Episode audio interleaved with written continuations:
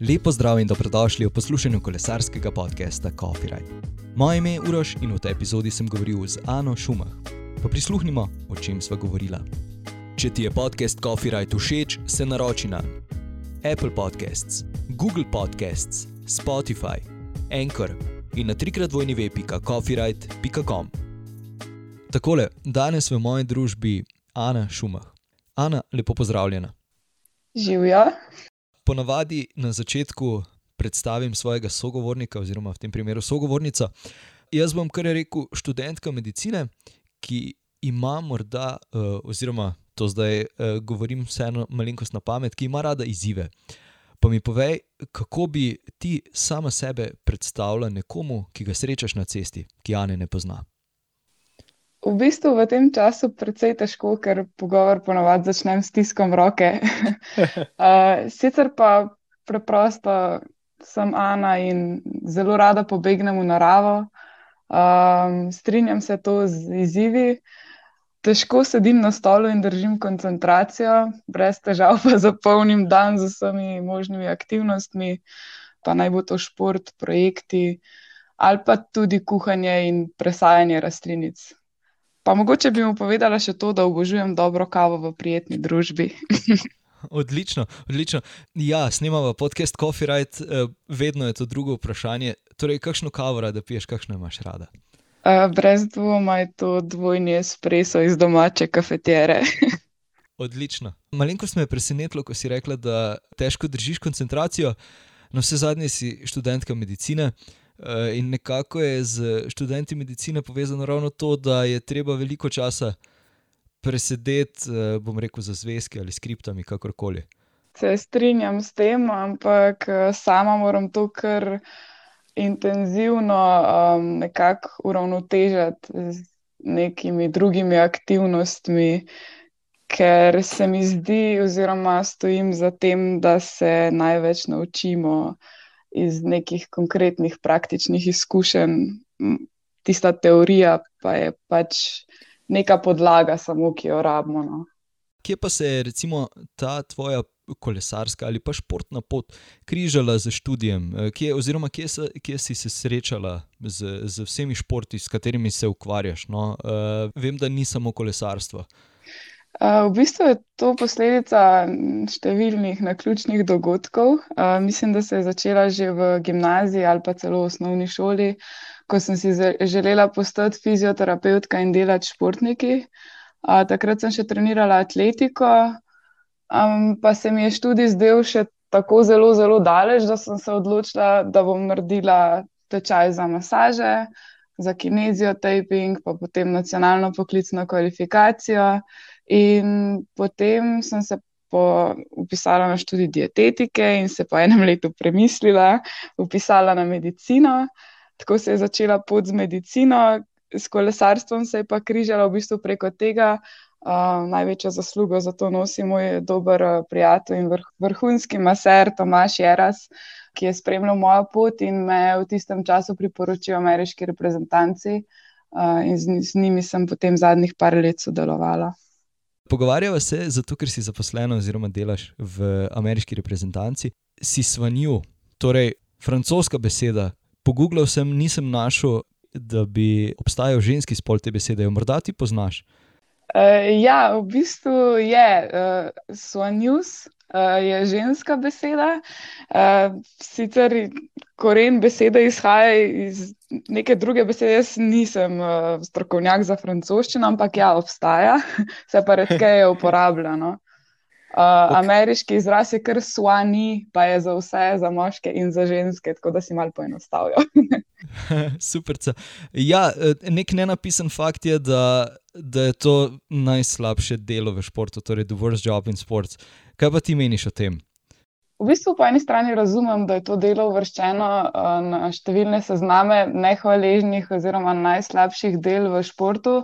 Če se ne motim, ga je tudi USA Today nekoč uh, uvrstil na celo više mesto, kot pa, bi, kot pa je bila maskota na športnih uh, prireditvah.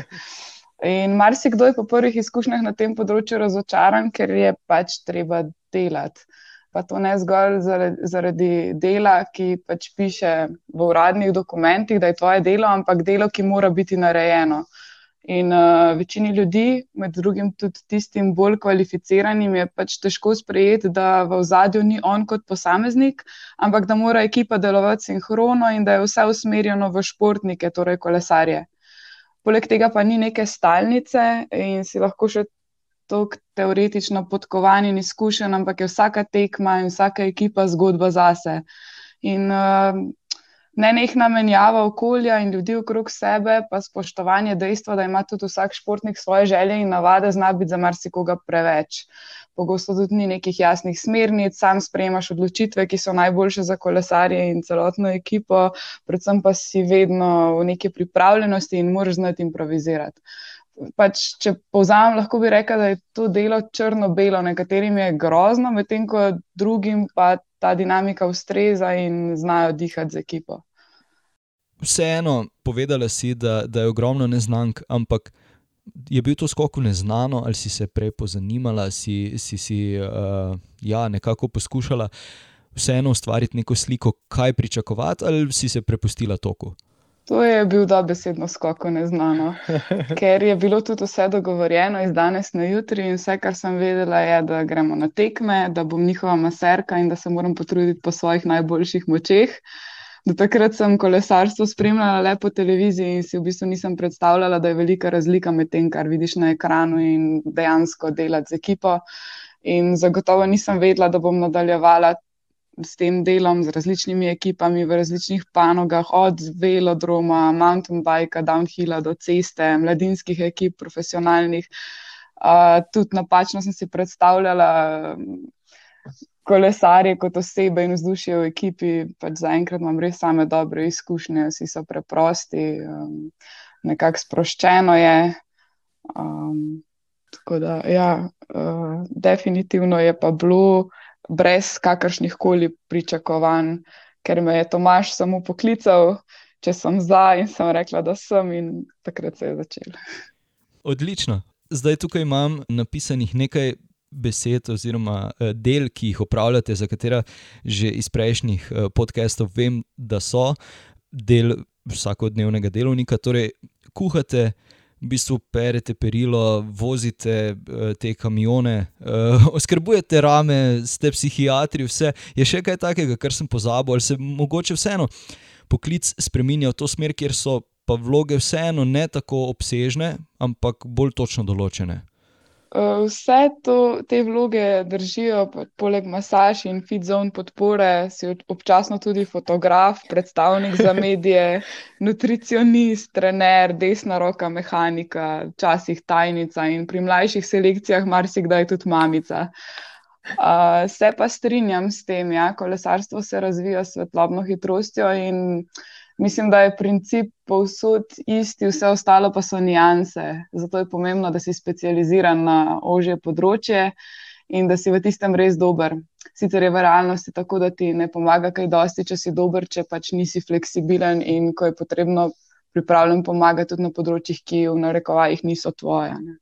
Ko sem govoril z Markom Džalotom, sva imela pogovor, kaj je tista, recimo, eh, njegova bila začetniška ali pa največja, eh, največji kiks, ki se ga spomni. Pa je rekel, da je, da je v bistvu celotno ekipo na mesto 9 km do hotela vozil okrog, mislim, da 40 km. Se je tudi tebi kaj podobnega zgodilo, kakšna takšna zabavna, mogoče zdaj zabavna anekdota, v tistem trenutku pa definitivno ne.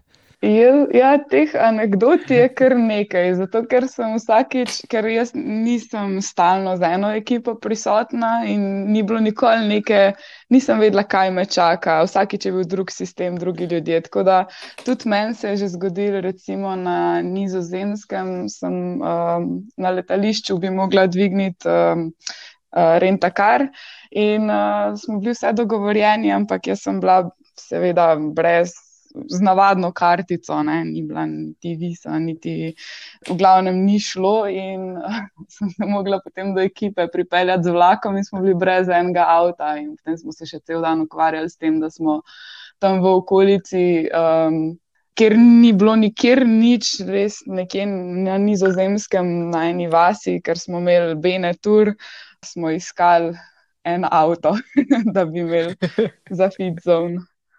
Oh, zakon. ja, da si bodo tisti, ki poslušajo podcast, lažje predstavljali. Torej, v ameriški ekipi je, je seveda tudi Sep Kus, ki kolesari z našim primožem Rogličem. Je morda se v, teh, uh, v tem času, odkar si tam, uh, vseeno, kaj spremenilo, se, se morda američani ob uspehih naših kolesarjev uh, lažje, mogoče prej stopijo v kontakt s teboj, oziroma se lažje pogovarjate, o čem jih kaj bolj zanima, ali se v bistvu ni nekaj dosti spremenilo. Definitivno so naši uh, kolesari močno vplivali na prepoznavnost in na spoštovanje um, strani drugih ekip. Uh, Uh, ker pa, recimo, ko sem začela, pač smo imeli vedno debate, ki je Slovenija, kaj je to, a to je država, a to je Jugoslavija ali kaj. Uh, zdaj pa dejansko vejo, kje smo, kdo smo, kdo so naši. Tako da se je spremenilo očitno. Res uh, čuti se no, večje spoštovanje in um, vejo za nas, no in nas cenijo. Kulsko. Ko sem eh, se pripravljal, sem naletel na v bistvu tak, tak zanimiv fakt, ki sicer ne vem, če sto odstotno drži, ampak vseeno. Piše, da je v Združenih državah Amerike več žensk zaposlenih tako v ekipah kot svanju, kot moških, seveda. E, medtem ko pa je v Evropi ravno nasprotno, morda tudi ti opaziš kaj podobnega, ali v bistvu si e, ja, delovala bolj v Ameriki, pa se nisi z evropskimi ekipami toliko srečala. Uh, v bistvu s temi podatki nisem na tekočem, ampak če mal pomislim, to verjetno drži.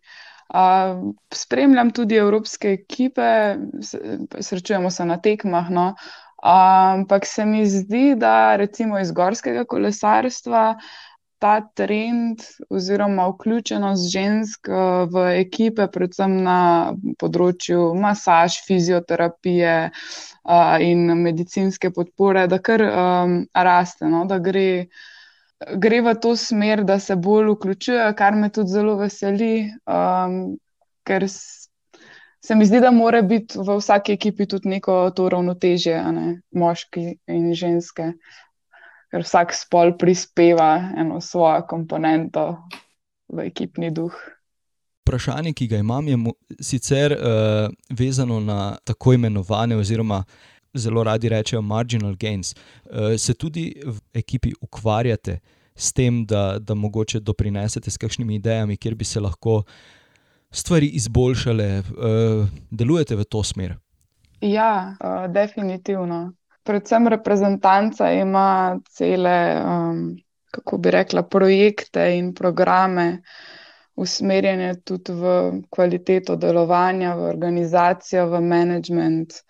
Uh, tako da se mi zdi, da vsi stremijo k temu, ker vejo, ker se zavedamo pač pomembnosti uh, in kako to vpliva tudi na kon konc koncev na uspehe in na tekmovalce.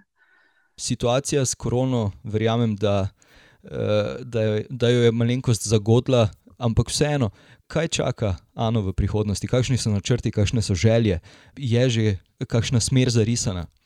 V bistvu je vse zelo v zraku. um, ker je, predvsem zdaj ta čas je totalno negotov. Uh, v prvi vrsti, oziroma prva prioriteta je končati študij ker uh, to delo, s katerim sem se zdaj srečevala, je sicer res super izkušnja.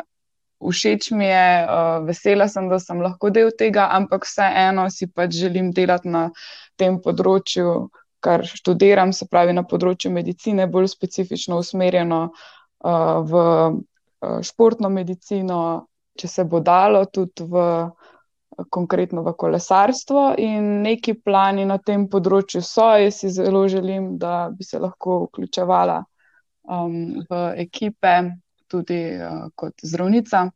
Drugače pa nasplošno si želim delovati v športni medicini, pa mogoče tudi v Sloveniji, kaj narediti na tem uh, in dvigniti mogoče še kakšno stopničko višji športno medicino nasplošno. Super. Ana, ko si prosta, ko imaš proste dneve, verjamem, da je tudi kakšen coffee ride vključen. kam se najraje odpelješ, katera je tista trasa, ki morda si jo že stokrat odvozila, pa bi jo še stokrat, ker ti je toliko všeč, ali pa da je kakšna takšna, ki si jo samo enkrat prevozila, pa ti je toliko ostala v spominu, da bi se z veseljem vrnila. Coffee Rider res močno pogrešam, ker v teh časih, razen kave, to go, uh, to ni, ni mogoče, ampak. Načeloma pa imam zelo rada trase po otoku Pago, kjer sem preživela veliko časa, predvsem v obdobju karantene. Uh, in tam res rada kolesarim izven sezone. Sicer pa sem si pred kratkim umislila grevel kolo in je to postala neka nova strast, tako da zdaj raziskujem trejle pohorja in mariborskih gričev. Vrhunsko. Pri koncu sva, morda še kakšna misel, kakšen nasvet, karkoli pade na pamet. Mogoče na splošno v kolesarstvu, uh, da je to velika družina, pa ob enem en pisan svet, v katerem jaz mislim, da lahko vsak najde mesto zase. Uh, zato bom z največjim veseljem Coffee Ride predpisovala na recept, seveda v območju priporočenih dnevnih doz kofeina. pa mogoče še eno vodilo iz vsega tega, kar se mi je dogajalo zadnjih par let, pod katerega se takoj podpišem. Uh, da je treba zaupati v svojo pot, tudi ko nimaš vpliva na njo, pa na okoliščine, in da če te poti ni, jo narediš sam in pustiš neko sled. Ana, najlepša hvala za ta ja, pogovor. Hvala tebi. Ani, še enkrat najlepša hvala, da si vzela čas za pogovor. Mi se ponovno slišimo prihodnji petek. Če želiš Copyright podpreti, odklikaj na www.coffeeright.com pošiljka Coffee Shop.